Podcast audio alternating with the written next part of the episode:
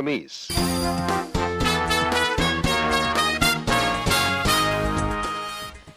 မင်္ဂလာညနေခင်းပါရှင် VOA American တန်ရဲ့2020ပြည့်နှစ်မတ်လ1ရက်တနင်္ဂနွေနေ့ညနေဘက်အစီအစဉ်တွေကို American ပြည်ထောင်စုမြို့တော် Washington DC ကနေတိုက်ရိုက်ထုတ်လွှင့်နေပါပြီ။လိုင်းဒိုမီတာ19 19 25တို့နဲ့အတူ VOA ရဲ့ Facebook စာမျက်နှာ VOA Burmese News ကနေပြီးတော့လည်းထုတ်လွှင့်ချိန်နဲ့တပြေးညီနားဆင်နိုင်ပါတယ်ရှင်။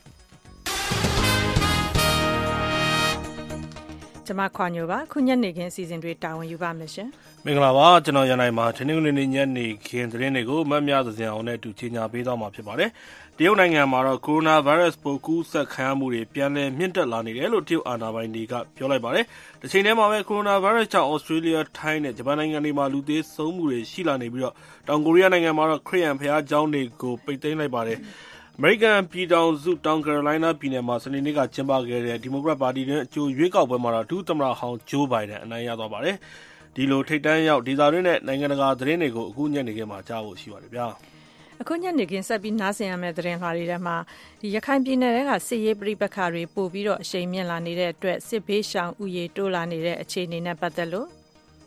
ကုန်လုံးကတသိန်းနှစ်သောင်းနဲ့ရှစ်ထောင်ကျော်တော့ပါပြီအမအဲ့ဒါအကုန်လုံးဒီတိပိချောင်စကန်ကုဆေးကုခုတိရှိလာတာပေါ့နော်တိုက်ပွဲတွေက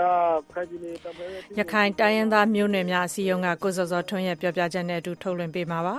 ထိုင်းနိုင်ငံထဲမှာ လူသတ်မှုနဲ့ ဆက်သွယ်နေတဲ့ဒီတန်တရားရှိသူ တရုတ်နိုင်ငံသားတွေ မြန်မာပြည်ဘက်ကို ဝင်သွားလို့ မြန်မာအစိုးရကို အကူအညီတောင်းထားတဲ့အခြေအနေ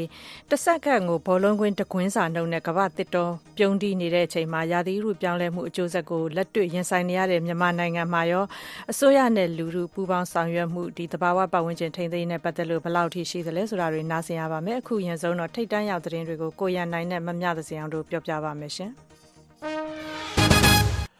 တရုတ်နိုင်ငံမှာ ကိုရိုနာဗိုင်းရပ်စ် ကူးစက်ခံရမှုတွေ ပြန်လည်မြင့်တက်လာနေတယ်ဆိုပြီးတော့တရုတ်ချမ်းမာရေးအာဏာပိုင်တွေက ဒီကနေ့ ပြောလိုက်ပါတယ်။စနေနေ့က နောက်ထပ်ယောဂကူးစက်ခံရသူ983ယောက်ရှိခဲ့ပြီးတော့ဒီမတိုင်ငယ်တောက်ကြနေ့ကတော့ ရောဂါကူးစက်သူ429ယောက် ရှိခဲ့တာကြောင့် စနေနေ့က ရောဂါကူးစက်မှု အရေအတွက်ဟာ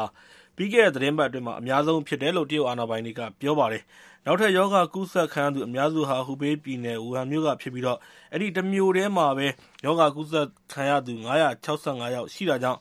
စနေနေ့က ဖြစ်တဲ့သူအားလုံးရဲ့99ရာခိုင်နှုန်းက အဲဒီမြို့ကဖြစ်တယ်လို့ ဆိုပါတယ်။ကိုရိုနာဗိုင်းရပ်စ်ကြောင့် တရုတ်နိုင်ငံမှာ စနေနေ့က နောက်ထပ် သေဆုံးသူ အရေအတွက်ဟာ စုစုပေါင်း35ယောက်ရှိခဲ့တာကြောင့် ပြီးခဲ့တဲ့ ဖေဖော်ဝါရီလအတွင်းမှာတော့ လူသေဆုံးမှုဟာ ဒုတိယမြောက် အနည်းဆုံးဖြစ်ပါတယ်။ သောကြာနေ့တုန်းကတော့ သေဆုံးသူ အရေအတွက်ဟာ ၄၇ ယောက် ရှိခဲ့တယ်လို့ တရုတ်အာဏာပိုင်တွေက ပြောပါတယ်။ကိုရိုနာဗိုင်းရပ်စ်ကြောင့် အခုဆိုရင် တရုတ်နိုင်ငံမှာ သေဆုံးသူ အရေအတွက်ဟာ ၂၈၇၀ ထက်မနည်း ရှိသွားပြီဖြစ်တယ်လို့ တရုတ်အမျိုးသားကျန်းမာရေးကော်မရှင်က ပြောပါတယ်။ဟူဘေးပြည်နယ် အပြင်ဘက်မှာတော့ ရောဂါကူးစက်ခံရသူ ၃ ယောက် ရှိခဲ့ပြီး ဒါဟာ ရောဂါဖြစ်ပွားချိန်ကစလို့ ရောဂါကူးစက်ခံရသူ အနည်းဆုံးဖြစ်တယ်လို့ ပြောပါတယ်။အခုဆိုရင်တော့ ကမ္ဘာတဝန်းမှာ ကိုရိုနာဗိုင်းရပ်စ် ကူးစက်ခံရသူဟာ၈ ၆,၀၀၀ကျော်ရှိသွားပြီဖြစ်ပြီးအဲဒီထဲက၇၉,၀၀၀ကျော်ကတရုတ်နိုင်ငံပြည်မကြီးကဖြစ်ပါတယ်ခင်ဗျာ။တောင်ကိုရီးယားနိုင်ငံမှာကိုရိုနာဗိုင်းရပ်စ်ပိုးကူးစက်သူ၃,၇၀၀ကျော်လာတဲ့အတွက်ခရစ်ယာန်ဘုရားကျောင်းတွေကိုပိတ်လိုက်ပါတယ်။တနေ့တည်းမှာပိုးကူးစက်သူ၈၀၀ကျော်ရှိတဲ့နောက်မှာအခုလိုဘုရားကျောင်းတွေကိုပိတ်ဖို့ဆုံးဖြတ်လိုက်ကြောင်းကိုရီးယားရောဂါကာကွယ်ထိန်းချုပ်ရေးဌာန KCDC ကပြောပါတယ်။အခုထိဒီရောဂါပိုးကြောင့်တောင်ကိုရီးယားမှာသေဆုံးသူ၁၈ဦးရှိနေပါတယ်။ဆိုးလ်မြို့မှာတော့ Yoido Full Gospel ခရစ်ယာန်ဘုရားကျောင်းက ဘုရားကျောင်းလာလေ့ရှိသူတွေကို YouTube ကတဆင့် ဝတ်ပြုနိုင်အောင် စီစဉ်ထုတ်လွှင့်ပေးပါတယ်။လူစုလူဝေးကတဆင့် virus ပိုးကူးစက်တဲ့အန္တရာယ်ကို ရှောင်ရှားနိုင်ဖို့ အခုလို online ကဝတ်ပြုနိုင်အောင် စီစဉ်ပေးတာဟာ သိပ်ကိုကောင်းတဲ့ အစီအစဉ်ဖြစ်တယ်လို့လည်း ဘုရားကျောင်းကို လာလေ့ရှိသူတဦးက ပြောပါတယ်။သတင်းပတ်ကုန် ရုံးပိတ်ရက်တွေအတွင်းမှာဘာသာရေးပွဲတွေနဲ့ နိုင်ငံရေးပွဲတွေလို လူစုလူဝေးတွေကို ရှောင်ပြီးတော့အိမ်ထဲမှာပဲနေဖို့ ပြည်သူတွေကို အစိုးရက သတိပေးထားပါတယ်။အခုလို တောင်ကိုရီးယားနိုင်ငံတဝန်း ဘုရားကျောင်း1900ကျော်ကို ပိတ်လိုက်ဖို့ဆုံးဖြတ်ချက်က နှစ်ပေါင်း236နှစ်အတွင်းမှာပထမဆုံးအကြိမ်ဖြစ်ပါတယ်။အထင်ကရ ခရစ်ယာန်ဘုရားကျောင်းတွေက အွန်လိုင်းကတဆင့် ဝတ်ပြုဆုတောင်းဖို့ စီစဉ်နေကြတဲ့နောက် ဗုဒ္ဓဘာသာ ဘုရားကျောင်းတွေမှာလည်း ဘာသာရေးပွဲတော်တွေကို ကျင်းပဖို့ကို ဖျက်သိမ်းထားပါတယ်ရှင်။တရုတ်နိုင်ငံနဲ့ နိုင်ငံတချို့မှာ ကိုရိုနာဗိုင်းရပ်စ် ကူးစက်ပြန့်နှံ့မှုတွေကြောင့် အသေအပျောက် တိုးလာနေချိန်မှာပဲဩစတြေးလျ၊ထိုင်း နဲ့ ဂျပန်နိုင်ငံတို့မှာလည်း ဒီဗိုင်းရပ်စ်ကြောင့် လူသေဆုံးမှုတွေ စပြီး တွေ့လာနေရပါတယ်။ Diamond Princess အပျော်စီးသင်္ဘောပေါ်မှာ ရောဂါထိန်းချုပ်ရေးအတွက် သီးသန့်ထားခံခဲ့ရတဲ့ အသက် ၇၈ နှစ်အရွယ် လူကြီးတဦး သြစတြေးလျနိုင်ငံ Perth မြို့မှာ ကွယ်လွန်သွားတာကြောင့် သြစတြေးလျမှာကိုရိုနာဗိုင်းရပ်စ်ကြောင့် ပထမဆုံး သေဆုံးသူ ရှိလာခဲ့ပါတယ်။အလားတူ ထိုင်းနိုင်ငံမှာဆိုရင်လည်း နိုင်ငံခြားခရီးသွားတဦးနဲ့ ထိစပ်ခဲ့တဲ့ အသက် ၃၅ နှစ်အရွယ် အရောင်းစာရေးတဦး ကိုရိုနာဗိုင်းရပ်စ်နဲ့ သေဆုံးသွားတာကြောင့် ထိုင်းမှာတော့ ကိုရိုနာဗိုင်းရပ်စ်ကြောင့် ပထမဆုံး သေဆုံးသူ ဖြစ်ပါတယ်။ ဂျပန်မှာဆိုရင်လည်း မြောက်ပိုင်း Hokkaido ကျွန်းပေါ်မှာ အသက် ၇၀ အရွယ် အမျိုးသားတဦး ကိုရိုနာဗိုင်းရပ်စ်ကြောင့် သေဆုံးခဲ့ပါတယ်။ အမေရိကန်ပြည်ထောင်စုဘက်မှာတော့ ကိုရိုနာဗိုင်းရပ်စ်ကြောင့် ပထမဆုံးသေဆုံးသူရှိခဲ့ပြီး ကိုရိုနာဗိုင်းရပ်စ် ကူးစက်ပြန့်ပွားလာမှုအတွက် အခြေအနေမှန်သမျှကို အမေရိကန်အနေနဲ့ ပြင်ဆင်ထားတယ်လို့အမေရိကန်သမ္မတ Donald Trump က စနေနေ့မှာ ပြောလိုက်ပါတယ်။နောက်ထပ် ဗိုင်းရပ်စ်ပိုးကူးစက်ခံရမှု ဖြစ်လာနိုင်ခြေရှိပေမယ့်လည်း စိုးရိမ်ထိတ်လန့်နေဖို့ မလိုဘူးလို့တော့ သမ္မတ Trump က ပြောပါတယ်။ဝါရှင်တန်ပြည်နယ်မှာ သေဆုံးသွားတဲ့ အဲဒီလူနာဟာဆိုရင်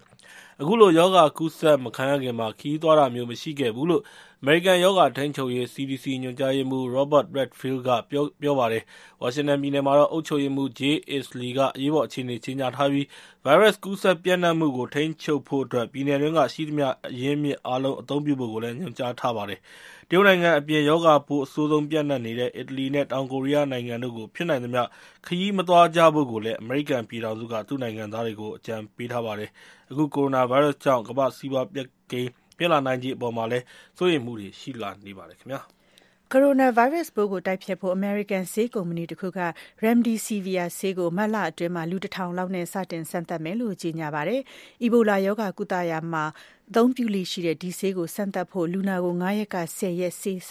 ပေးမှာဖြစ်ပါတယ်။ကယ်လီဖိုးနီးယားပြည်နယ် အခြေစိုက် Gilead Sciences ဆေးကုမ္ပဏီက ကနဦးမှာ လူနာ ၄၀၀ ကို စပြီး Remdesivir ဆေးနဲ့ စမ်းသပ်ကုသမယ်လို့ ပြောပါတယ်။ရောဂါလက္ခဏာပြတဲ့ လူနာ ၁,၀၀၀ ကို ၃ အုပ်စုခွဲပြီး စမ်းသပ်သွားမယ်လို့လည်း ဒီကုမ္ပဏီက ထုတ်ပြန်တဲ့ ကြေညာချက်မှာ ဖော်ပြပါတယ်။ပထမအုပ်စုကို Remdesivir ဆေးကို ၅ ရက်ပေးမှာဖြစ်ပြီး ဒုတိယအုပ်စုကို ၁၀ ရက်ပေးပြီး စောင့်ကြည့်မှာဖြစ်ပါတယ်။ကျန်အုပ်စုကိုတော့ အကိုက်အခဲပျောက်ဆေးအပြင်တခြားလိုအပ်တဲ့ဆေးဝါးတွေပေးပြီးစောင့်ကြည့်ရမယ့်အဆင့်လူနာတွေအဖြစ်ခွဲပြီးလေ့လာစမ်းသပ်သွားမယ်လို့ဖော်ပြထားပါတယ်။ဖေဖော်ဝါရီလအတွင်းက Gilead ဆေးကုမ္ပဏီကဒီစမ်းသပ်မှုကိုဝူဟန်မြို့မှာတရုတ်အစိုးရနဲ့ဆေးသိပ္ပံပညာရှင်တွေပူးပေါင်းပြီးစတင်ခဲ့တာပါ။ရေရှည်စမ်းသပ်မှုအဖြစ် Nebraska တက္ကသိုလ်ကဦးဆောင်ပြီးကမ္ဘာတဝန်းကိုရိုနာဗိုင်းရပ်စ်ရောဂါပိုးဖြစ်ပွားတဲ့နေရာ၅၀လောက်အထိတိုးမြှင့်သွားဖို့စီစဉ်နေပါတယ်။ကိုရိုနာဗိုင်းရပ်စ်ပိုးကူးစက်ပျံ့နှံ့တဲ့တရုတ်ပြည်ဝူဟန်မြို့မှာစမ်းသပ်စင်တာ၂ခုရှိပြီးအာရှတွင်းနိုင်ငံတွေနဲ့ ရောဂါပိုးကူးစက်မှုမြင့်မားတဲ့ နိုင်ငံတွေမှာ ဆက်ပြီး စမ်းသပ်မှုတွေ လုပ်သွားမယ်လို့ Gilead ဆေးကုမ္ပဏီက ပြောပါတယ်။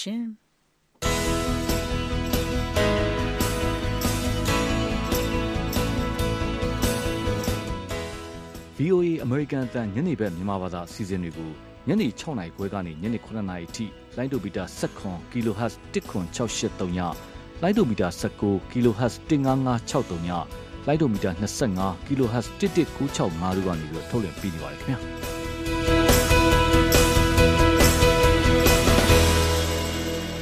VOA ကနေတနင်္ဂနွေနေ့ညနေခင်းနောက်ဆုံးရသတင်းတွေကိုတိုက်ရိုက်ထုတ်လွှင့်ပေးနေပါတယ်။အမေရိကန်ပြည်ထောင်စုတောင်ကယ်ရိုလိုင်းနားပြည်နယ်မှာစနေနေ့ကကျင်းပခဲ့တဲ့ ဒီမိုကရက်ပါတီတွင်း အကြိုရွေးကောက်ပွဲမှာတော့ ဒုသမ္မတဟောင်း Joe Biden အနိုင်ရသွားပါတယ်။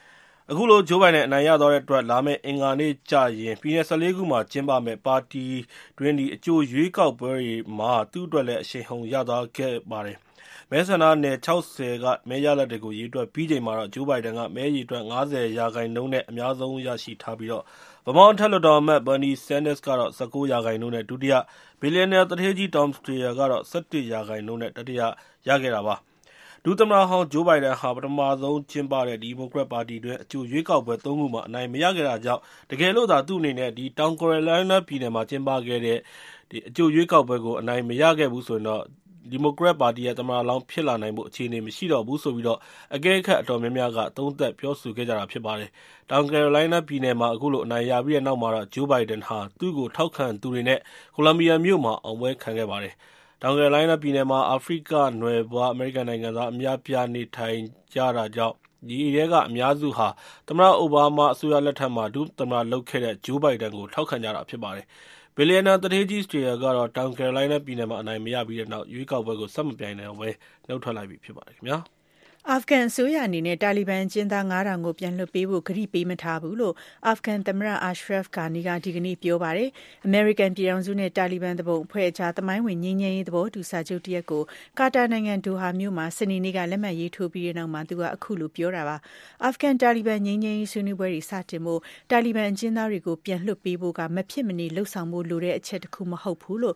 သမ္မတ Ghani က ဒီကနေ့ကဘူးလ်မြို့မှာလုပ်တဲ့ သတင်းစာရှင်းလင်းပွဲမှာ ပြောပါတယ်။ ဒါပေမဲ့ ဒီအချက်ကိုတော့ နောင်လာမယ့် ဆွေးနွေးပွဲတွေမှာ ထည့်သွင်းဆွေးနွေးသွားမယ်လို့လည်း သူက ပြောပါတယ်။အကျဉ်းသားတွေ ပြန်လွှတ်ပေးဖို့က အမေရိကန်နဲ့ မသက်ဆိုင်ပဲအာဖဂန်အစိုးရမှသာ အာဏာရှိတာဖြစ်ကြောင်းလည်း သူက ပြောပါတယ်။အာဖဂန်အစိုးရအနေနဲ့ အကျဉ်းသားဖလှယ်ရေးနဲ့ ပတ်သက်တဲ့ ဘယ်လိုဖိအားပေးတာကိုမှ လက်ခံမှာ မဟုတ်ဘူးလို့လည်း သမ္မတဂါနီကပြောပါတယ်။အမေရိကန်ပြည်ထောင်စုနဲ့ တာလီဘန်သူပုန်အဖွဲ့ကြား သမိုင်းဝင် ငြိမ်းချမ်းရေး သဘောတူစာချုပ်ကို ကာတာနိုင်ငံ ဒိုဟာမြို့မှာ စနေနေ့က နိုင်ငံပေါင်း20လောက်က ကိုယ်စားလှယ်တွေရှေ့မှာ လက်မှတ်ရေးထိုးခဲ့ပါတယ်။အခုလို ငြိမ်းချမ်းရေးလက်မှတ်ရေးထိုးလိုက်တဲ့အတွက်18နှစ်ကြာအာဖဂန်စစ်ပွဲကိုအဆုံးသတ်မှာဖြစ်တယ်လို့အမေရိကန်တပ်တွေကိုလည်းအာဖဂန်ကနေတဖြည်းဖြည်းချင်းပြန်ယူသိမ်းနိုင်မှာဖြစ်ပါတယ်။ ဆီးရီးယားပဋိပက္ခနဲ့ပတ်သက်ပြီး ဒုက္ခသည်ပြဿနာကို ရင်ဆိုင်နေရတဲ့ တူရကီနိုင်ငံက သူ့နိုင်ငံထဲမှာရှိနေတဲ့ ဒုက္ခသည်တွေကို ဥရောပကိုသွားဖို့အတွက် ခွင့်ပြုလိုက်မယ်လို့ တူရကီသမ္မတ Erdogan ကခြိမ်းခြောက်လိုက်ပြီး ဆီးရီးယားနိုင်ငံကိုလည်း သတိပေးလိုက်ပါတယ်။တူရကီနိုင်ငံအနေနဲ့ ဒုက္ခသည်ထောင်ပေါင်းများစွာကို ဥရောပကိုသွားဖို့ ခွင့်ပြုလိုက်မယ်လို့ တူရကီသမ္မတ Recep Tayyip Erdogan က စနေနေ့မှာ ခြိမ်းခြောက်လိုက်တာပါ။ဒါ့အပြင် ဆီးရီးယားနိုင်ငံအတွင်းမှာ တူရကီတပ်ဖွဲ့ဝင် ဒါဇင်နဲ့ချီ သေဆုံးခဲ့တာကြောင့် ဒီအတွက်လည်း ဆီးရီးယားနိုင်ငံအနေနဲ့ ပြန်ပေးဆပ်ရမယ်လို့ သတိပေးလိုက်ပါတယ်။ Voice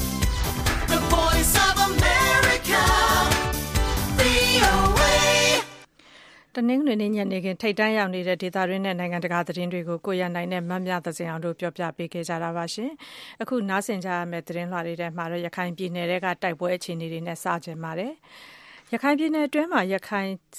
ဒီလက်နက်ကင်တပ်ဖွဲ့နဲ့ အစိုးရတပ်တို့ကြား တိုက်ပွဲတွေ ပြင်းထန်လာနေတဲ့အတွက် စစ်ဘေးရှောင်စခန်း69ခုအထိ ရှိလာနေပြီး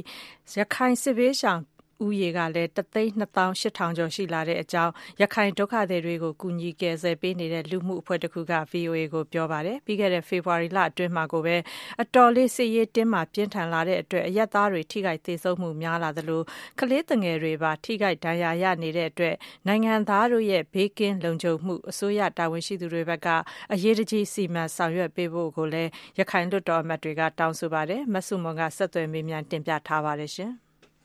ဟုတ်ပါတယ်။ တနှစ်ကျော်ကြာလာပြီဖြစ်တဲ့ ရခိုင်တိုင်းရင်းသားလက်နက်ကိုင်တပ် AA နဲ့ မြန်မာအစိုးရစစ်တပ်တို့ကြား ရခိုင်ပြည်နယ်မြောက်ပိုင်းနဲ့ ချင်းပြည်နယ်တွင်းက နေရာတချို့မှာ တိုက်ပွဲတွေ ပြင်းပြင်းထန်ထန်ဖြစ်ပွားနေပြီး တိုက်ပွဲတွေကနေ အသက်ဘေးကနေလွတ်အောင် စစ်ရှောင်ပြေးနေရတဲ့ စစ်ပြေးဒုက္ခသည်ပြည်သူပေါင်းက၁သိန်း၂သောင်း၈ထောင်ကျော်အထိ ဖြစ်သွားပြီလို့ ဒုက္ခသည်တွေကို လိုက်လံကူညီပေးနေတဲ့ လူမှုအဖွဲ့အစည်းတခုဖြစ်တဲ့ ရခိုင်တိုင်းရင်းသားမျိုးနွယ်များ အစည်းအရုံး REC က ဖေဖော်ဝါရီလ ၂၉ ရက်နေ့က နောက်ဆုံးစာရင်း ထုတ်ပြန်ပါတယ်။အခုလက်ရှိ စစ်ဘေးရှောင် ၉၉ စခန်းမှာ ခိုလှုံနေရတဲ့စစ်ရှောင်ဒုက္ခသည်တသိန်းနှစ်သောင်းကျော်အတွက်အဓိကစားနပ်ရိက္ခာနဲ့သောက်သုံးရေအခက်အခဲဖြစ်နေကြတယ်လို့ဒုက္ခသည်စာရင်းတွေလိုက်လံပြုစုပြီးဒုက္ခသည်တွေကိုကူညီကယ်ဆယ်ပေးနေတဲ့ရခိုင်တိုင်းရင်းသားမျိုးနွယ်များအစည်းအရုံး REC ကအတွင်းရေးမှူးကိုဇော်ဇော်ထွန်းက VOA မြန်မာပိုင်းကိုပြောပါတယ်။ဒုက္ခသည်အရေအတွက်ကကျတော့အကုန်လုံးကတသိန်းနှစ်သောင်းနဲ့ရှစ်ထောင်ကျော်တော့ပါပြီအမ။အဲ့ဒါအကုန်လုံးဒီစစ်ဘေးရှောင်စခန်း၉၉ခုအထိရှိလာတာပေါ့နော်။အဲနောက်ပြီးတော့မှကျွန်တော်တို့မနေ့ကထုတ်ပြန်ချက်မှာပါတဲ့ဟာတခုကကျတော့ ဒီတိုက်ပွဲတွေကဒီရခိုင်ပြည်နယ်တံဖဲအထိကိုခြေပြင်းလာနေတယ်အဲဒါကြောင့်မလို့ဒီတံဖဲပိုင်းအထိကိုအကျိုးသက်ရောက်မှုတွေအများကြီးရှိလာနေပါတယ်အထူးသဖြင့်ဆိုလို့ရှိရင်တော့ဒီအဲမျိုးနေဒလားချောင်းနဲ့ကစုကိုင်းဆိုတဲ့အဲအုပ်စုတွေမှာပေါ့နော်အဲ့ဒလားချောင်းမှာဆိုလို့ရှိရင်ကျေးရွာပေါင်း40လောက်ရှိတယ်အဲ့ဒီကျေးရွာ40လောက်မှာအဲတော်တော်များရွာတွေကဒီတချို့ရှင်းလင်းမှုတွေခင်ရပြီးတော့မှဒီ တော်တော်များဒုက္ခရောက်နေရတာရှိပါတယ်အဲနောက်ပြီးတော့ကစုကိုင်းဆိုလို့ရှိရင်အဲ့ဒီတိုင်းရှိနေပါတယ်စီးရဲလှချမှုတွေလက်ဖက်စီးရဲလှချမှုတွေရှိတဲ့ခါကျတော့ဒီဒေသခံတွေပေါ်မှာ အဲစီးရဲကျိုးသားမှုတွေကအများကြီးရှိနေပါတယ်အမအခုဆိုရင်တော့ရခိုင်ပြည်နယ်တွင်းမင်းပြားမြောက်ဦးရသေ့တောင်ဘူးသီးတောင်နဲ့စစ်တွေမြို့နယ်တွေမှာစစ်ဘေးဒုက္ခသည်အရေးအတွက်ပုံမများပြားလာနေပြီးဒုက္ခသည်တွေအတွက်ဘေးအန္တရာယ်လုံခြုံရေးကစိုးရိမ်စရာမှရှိနေတယ်လို့လည်းရခိုင်ပြည်နယ်ရသေ့တောင်မြို့နယ်ပြည်သူ့လွှတ်တော်ကိုယ်စားလှယ်ဒေါခင်စောဝေကပြောပါတယ်။ခနဲ့ကင်တိုက်ပွဲတွေကတော့ပိုပြီးပြင်းထန်လာတာတွေကိုလည်းကြားပြီးနေရပါတယ်။အဲ့ဒီအတွက်ကြောင့်အခုဆိုလို့ရှိရင်လည်း ဟိုပါပေါ့လူတွေပါစင်ကျော်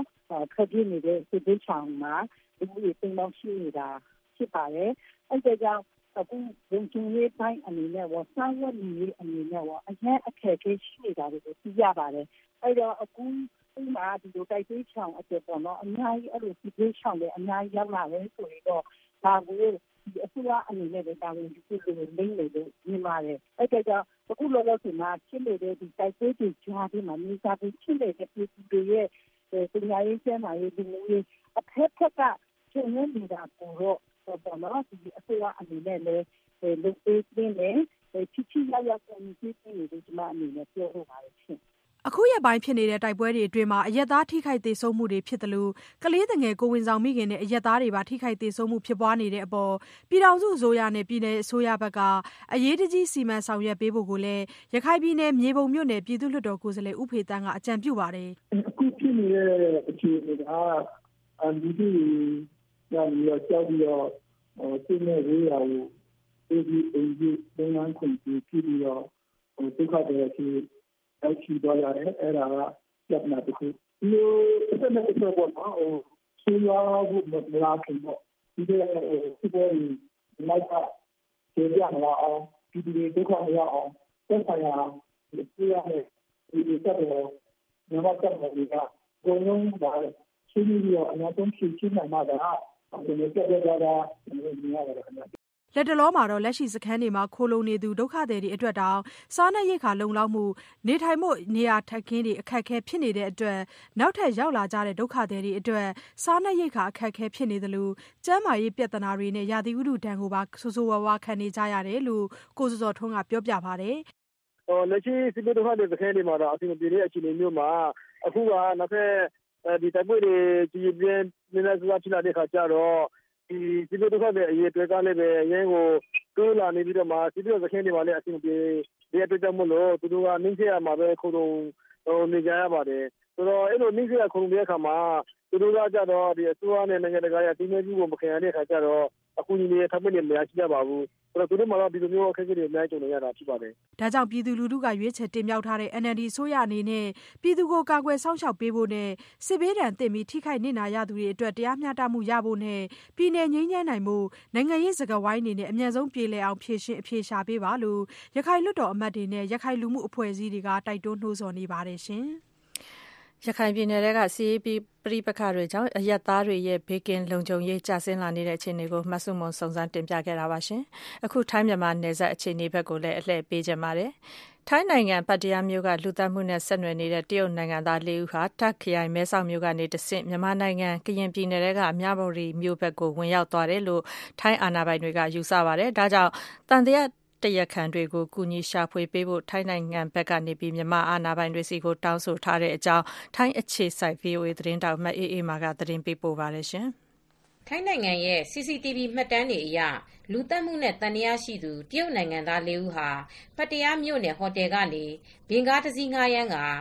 ကျောက်ဖရားမြစ်နဲ့ကံဖယ်ဖက်ခရိုင်ပင်းမြစ်အတွင်းမှာ လေးတောင်အိတ်ကြီးတွေကို ပစ်ချခဲ့ပြီး ထိုင်းမြန်မာနယ်စပ်ကို ဆင်းလာခဲ့ကြတာပါ ဖေဖေါ်ဝါရီလ ၂၅ ရက်နေ့မှာတော့ ဒေသခံတွေက သတင်းပေးတာကြောင့်ကံဖယ်ဖက်ခရိုင်မဲ့နန်းပင်းမြစ်ထဲမှာ ပစ်ချခဲ့တဲ့ အိတ်ထဲကနေ အသက် ၃၀ အရွယ် တရုတ်နိုင်ငံသားကျွန်းဝမ်ဟာ ကြိုးတုပ်ထားတဲ့ပုံစံနဲ့ သေဆုံးနေတာကို တွေ့ခဲ့ရပြီး တခြား အိတ်သုံးလုံးကိုတော့ ရှာဖွေနေဆဲ ဖြစ်ပါတယ်။ထိုင်း လဝက ရဲ့ မှတ်တမ်းတွေအရ တရုတ်နိုင်ငံသားကျွန်းဝမ်ဟာ အခုလ ၁၂ ရက်နေ့က တရုတ်နိုင်ငံသူ အမျိုးသမီးတဦးနဲ့အတူထိုင်းနိုင်ငံသုဝဏ္ဏဘူမိလေဆိပ်ကနေလေကြောင်းခရီးနဲ့ဝင်ရောက်လာခဲ့ကြတာလို့ဆိုပါတယ်။သူတို့နှစ်ဦးဟာပတ္တရားမြို့ကတရုတ်နိုင်ငံသားတွေအများဆုံးတည်းခိုနေတဲ့နေရာမှာငှားရမ်းနေထိုင်နေကြတာဖြစ်ပါတယ်။သူတို့တည်းခိုနေတဲ့တည်းခိုခန်းကိုတရုတ်နိုင်ငံသား၃ဦးလာရောက်တည်းခိုကြပြီးတဲ့နောက်ဘင်ကားတစ်စီးကိုထိုင်းမြန်မာနယ်စပ်ကိုပို့ဆောင်ပေးဖို့ငှားရမ်းခဲ့ကြောင်းလက်ရှိမှာဘင်ကားမောင်းသူဖမ်းဆီးခံထားရတယ်လို့ဆိုပါတယ်။ကံဖယ်ဖက်ခရိုင်ရဲမှူးရက်ဝီဖန်ကတော့ตัวผู้ที่ น่าจะนะครับมีส่วนรู้เห็นในการตายของผู้ต้องหาเออของผู้ของผู้เสียชีวิตในครั้งนี้นะครับได้အခုချိန်မှာတရားခံနေနဲ့ပတ်သက်လို့တရုတ်တန်ယုံကလည်းလိုက်ပေးဖို့တောင်းဆိုလာပါတယ်ကျွန်တော်တို့ရဲတပ်ဖွဲ့ဝင်တွေအနေနဲ့လူသတ်မှုမှာအဓိက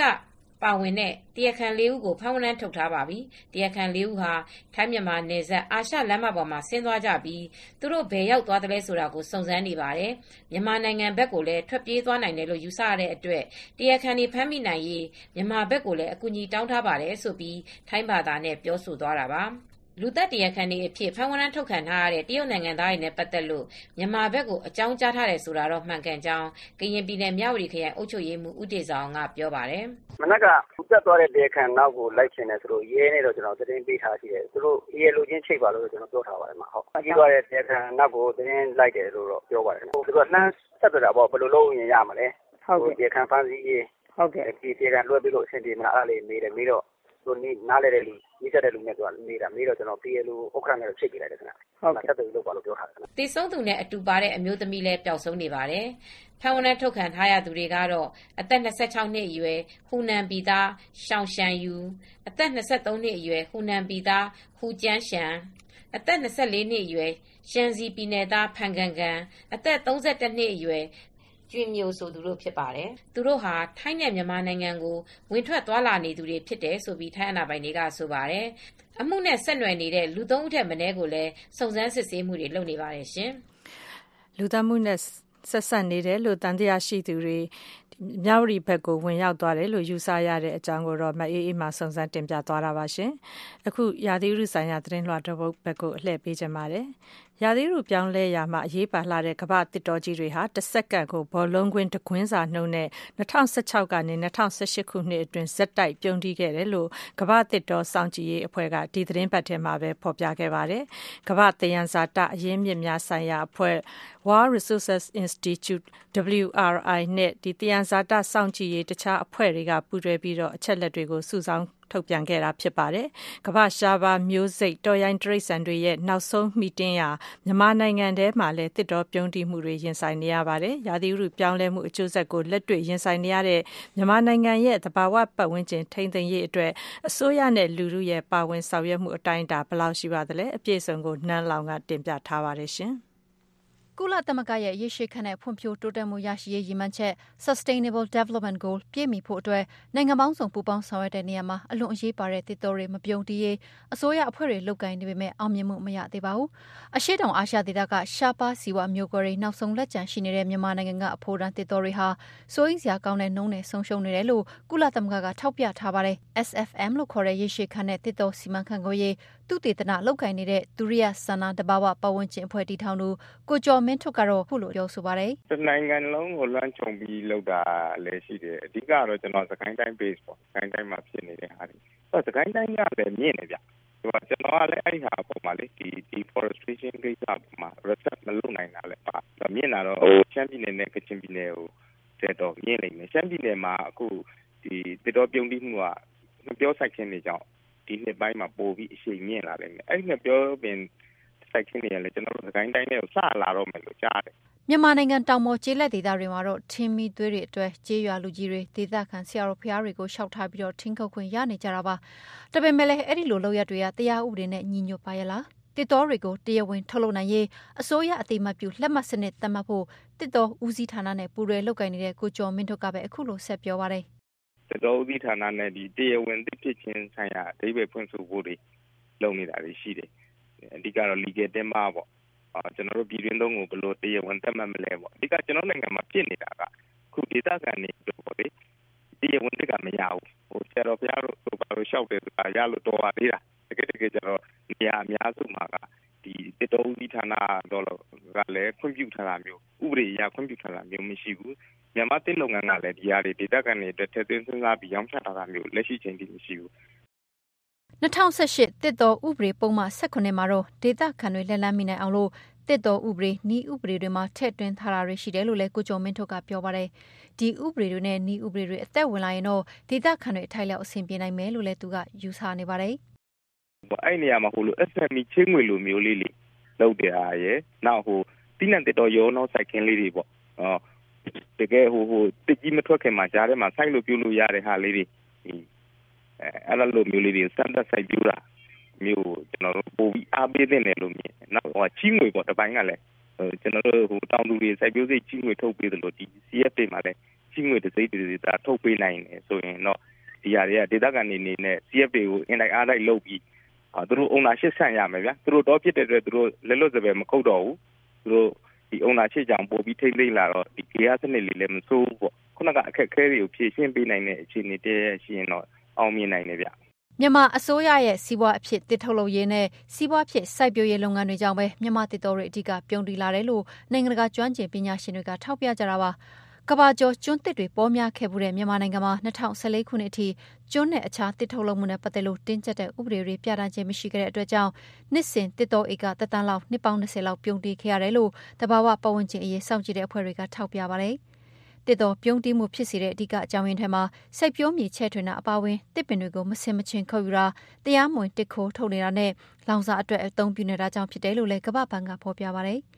ရာသီဥတုမြတ်တာဖို့ကမ္ဘာပူနေမှုဖြစ်စေတဲ့ဖန်လုံအိမ်ဓာတ်ငွေ့တွေကိုတစ်တောတွေကစုပ်ယူတိုးလောင်ပေးထားတာပါကမ္ဘာပူနေမှုဖြစ်လာစေတဲ့ဖန်လုံအိမ်ဓာတ်ငွေ့တွေကိုတစ်တောတွေကစုပ်ယူတိုးလောင်ပေးထားပါတယ်ကမ္ဘာကြီးပူနွေးလာတာနဲ့အမျှဥရုရာသီမမျှမတဖြစ်ပြီးတော့မိုးကောင်းရေရှားတာရကြီးရေရှမ်းတာအပူလိုင်းအေးအေးလိုင်းဖြစ်တာပြင်းထန်တဲ့မုန်တိုင်းတွေမကြာခဏတိုက်တာငလင်လှုပ်တာနဲ့တောမီလောင်တာတွေကိုရင်ဆိုင်လာကြတာပါလူမှုအဖွဲ့အစည်းတွေပြည်ပဆိုင်ရာအဖွဲ့အစည်းတွေနဲ့ပုဂ္ဂလိကအဖွဲ့တွေစုပေါင်းထားတဲ့ FOLU ရဲ့အစီရင်ခံစာမှာတော့တစ်တောတွေမပြုံသွားအောင်လို့ထိန်းသိမ်းဆောက်ရှောက်တဲ့နေရာမှာအဟန့်အတားကြီး6ခုရှိနေတယ်လို့ဖော်ပြထားပါတယ်။ရှာထူးအာနာတီမြဲရေးအတွက်တစ်တောတွေကိုအသုံးချတာတစ်တပင်ရဲ့တန်ဖိုးတဲ့တစ်ခွဲတာတန်ဖိုးကပိုကြီးနေတာတစ်တောတွေကရတဲ့အကျိုးမြတ်ထဲမှာငွေသားမပါဝင်တာတစ်တောထိန်းသိမ်းရေးအတွက်မူဝါဒချမှတ်တဲ့နေရာမှာဒေတာခံတွေပါဝင်ခွင့်မရတာ တစ်တော်ထိန်းသိမ်းရေးမှာလည်းတခါတလေဌာနပေါင်းစုံကစီမံခန့်ခွဲသူတွေပါဝင်နေတာနဲ့ပြဋ္ဌာန်းထားတဲ့တစ်တော်ဥပဒေတွေကိုလိုက်နာမှုမရှိတဲ့အချက်တွေကြောင့်ဖြစ်တယ်လို့ဖော်ပြထားပါတယ်။တစ်တော်ပြုံးတိမှုသားစီရေးကပ္ပပိုင်းရဲ့အကြံပြုချက်တွေထက်မှာတော့တဘာဝတစ်တော်ကြိုးဝိုင်းတွေနဲ့အများပြည်သူပိုင်းတစ်တော်တွေကိုထိန်းသိမ်းဆောင်ရှောက်မှုအတွက်စီမံခန့်ခွဲမှုအပိုင်းကိုပြန်သုံးသပ်ဖို့ထည့်သွင်းထားပါတယ်။ထင်းမီသွေးကြောင့်တစ်တော်ပြုံးတိမှုဖြစ်စေတာကိုလူလူတီအောင်အသိပညာပေးဖို့အစိုးရရဲ့တစ်ပင်စိုက်ပျိုးရေးလုပ်ငန်းကိုရေရှည်စီမံခန့်ခွဲဖို့ တစ်အခြေခံကုန်ပစ္စည်းထုတ်လုပ်သူတွေနဲ့ပူးပေါင်းပြီးတော့စီးပွားဖြစ်တစ်ပင်တွေစိုက်ပျိုးဖို့တစ်အခြေခံထုတ်လုပ်ထားတဲ့ကုန်ပစ္စည်းတွေမှာလည်းတရဝင်းစိုက်ပျိုးထုတ်လုပ်ထားကြောင်းနိုင်ငံတကာအသိအမှတ်ပြုလက်မှတ်ထုတ်ပေးတဲ့စနစ်ကိုကျင့်သုံးဖို့မြမကျွန်းတစ်လုပ်ငန်းကိုလည်းမြမတစ်တော်ဌာနရဲ့စီကံအတိုင်းတင်းကျပ်စွာကြံ့မဖို့နဲ့လူမှုပါဝင်တဲ့တစ်တော်ထိန်းသိမ်းရေးလုပ်ငန်းတွေလုပ်ကိုင်ဖို့ဆိုတဲ့အချက်တွေကိုအကြံပြုထားတာဖြစ်ပါတယ်။ နန်းလောင်စုစည်းတင်ပြပေးခဲ့တဲ့ ရာသီဥတုပြောင်းလဲမှုနဲ့ သဘာဝပတ်ဝန်းကျင် ထိန်းသိမ်းရေးဆိုင်ရာ သတင်းလွှာကို အခုလို တနင်္ဂနွေနေ့ ညနေတိုင်းမှာ နားဆင်နိုင်ပါတယ်ရှင်။နောက်နှစ်နာရီကြာမှထုတ်လွှင့်ပေးမယ့် ညပိုင်းအစီအစဉ်တွေကိုတော့ လှိုင်းဒိုမီတာ25 32 51ပထမနာရီဝက်မှာ လှိုင်းလက်မီတာ190 kHz 1505တို့ကနေ နားဆင်နိုင်ပါတယ်။ဒီအချိန်မှာတော့ မြမဒီမိုကရေစီရေး ဆွေးနွေးကန်ပြည်တွင်းသတင်းသုံးသပ်ချက် မြမပြည်ကပေးစာနဲ့ ထူးခြားစံပြသတင်းများ အစီအစဉ်တွေ နားဆင်ကြရမှာပါ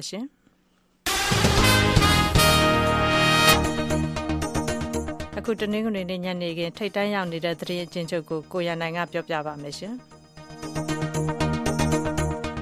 တရုတ်နိုင်ငံမှာကိုရိုနာဗိုင်းရပ်စ် ပိုးကူးစက်ခံရမှုတွေ ပြန်လည်မြင့်တက်လာနေတယ်လို့ တရုတ်ကျန်းမာရေးအာဏာပိုင်တွေက ပြောလိုက်ပါတယ်။စနေနေ့က နောက်ထပ်ရောဂါကူးစက်ခံရသူ ၅၇၃ ယောက်ရှိခဲ့ပြီး ဒီမတိုင်ခင် သောကြာနေ့ကတော့ ရောဂါကူးစက်ခံရသူ ၄၂၇ ယောက်ရှိခဲ့တာကြောင့် စနေနေ့က ရောဂါကူးစက်မှုအရေအတွက်ဟာ ပြီးခဲ့တဲ့ သီတင်းပတ်အတွင်း အများဆုံးဖြစ်တယ်လို့ တရုတ်အာဏာပိုင်တွေက ပြောပါတယ်။ကိုရိုနာဗိုင်းရပ်စ်ကြောင့် တရုတ်နိုင်ငံမှာ စနေနေ့က နောက်ထပ်သေဆုံးသူစုစုပေါင်း ၃၅ ယောက်ရှိတာကြောင့် အခုဆိုရင် တရုတ်နိုင်ငံမှာ သေဆုံးသူအရေအတွက် စုစုပေါင်း၂၈၇၀ ထက်မနည်း ရှိသွားခဲ့ပြီလို့ တရုတ်အမျိုးသားကျန်းမာရေးကော်မရှင်က ပြောလိုက်ပါတယ်။တချိန်တည်းမှာပဲတောင်ကိုရီးယားနိုင်ငံမှာလည်းကိုရိုနာဗိုင်းရပ်စ်ပိုးကူးစက်ခံရသူ၃၇၀၀ကျော်လာတဲ့အတွက်ခရစ်ယာန်ဘုရားကျောင်းတွေကိုပိတ်လိုက်ပါတယ်။တနေ့တည်းပိုးကူးစက်သူ၈၀၀ကျော်ရှိတဲ့နောက်မှာအခုလိုဘုရားကျောင်းတွေကိုပိတ်ဖို့ဆုံးဖြတ်လိုက်ကြောင်းကိုရီးယားရောဂါကာကွယ်ထိန်းချုပ်ရေးဌာနကပြောပါတယ်။အခုထိတော့ရောဂါပိုးကြောင့်တောင်ကိုရီးယားနိုင်ငံမှာသေဆုံးသူ၁၈ဦးရှိနေပါတယ်။ တရုတ်နိုင်ငံနဲ့ နိုင်ငံတချို့မှာ ကိုရိုနာဗိုင်းရပ်စ်ကူးစက်မှု ပျံ့နှံ့မှုတွေ အသေအပျောက် တိုးလာနေချိန်မှာပဲ သြစတြေးလျ၊ထိုင်းနဲ့ ဂျပန်နိုင်ငံတို့မှာလည်း ဒီဗိုင်းရပ်စ်ကြောင့် လူသေဆုံးမှုတွေကို စတွေ့လာနေရပါပြီ။ Diamond Princess အပျော်စီးသင်္ဘောပေါ်မှာ ရောဂါထိန်းချုပ်ရေးအတွက် သီးသန့်ခွဲထားခံရတဲ့ အသက် ၇၈ နှစ်အရွယ် လူကြီးတဦး သြစတြေးလျနိုင်ငံပတ်သ်မြို့မှာ ကွယ်လွန်သွားခဲ့ပြီး ထိုင်းနိုင်ငံမှာဆိုရင်လည်း နိုင်ငံခြားသားခရီးသွားတဦးနဲ့ ထိစပ်ခဲ့တဲ့ အသက် ၃၅ နှစ်အရွယ် အရောင်းစာရေးတဦး ကိုရိုနာဗိုင်းရပ်စ်နဲ့ သေဆုံးသွားခဲ့ပါတယ်။ဒါ့အပြင် ဂျပန်နိုင်ငံမြောက်ပိုင်းမှာတော့ ဟော့ကိုင်းဒိုကျွန်းက အသက် ၇၀ အရွယ် အမျိုးသားတဦး ကိုရိုနာဗိုင်းရပ်စ်ကြောင့် သေဆုံးသွားခဲ့ပါတယ်ခင်ဗျာ။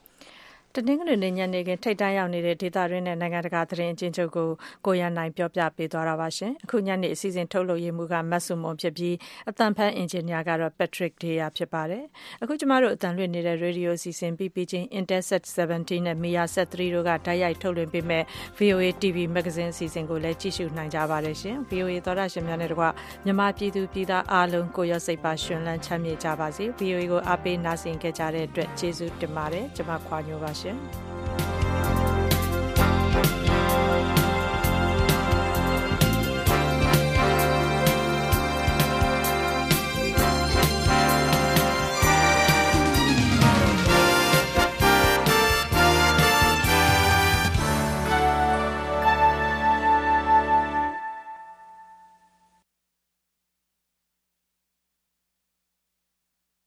This program has come to you from the Voice of America, Washington. ။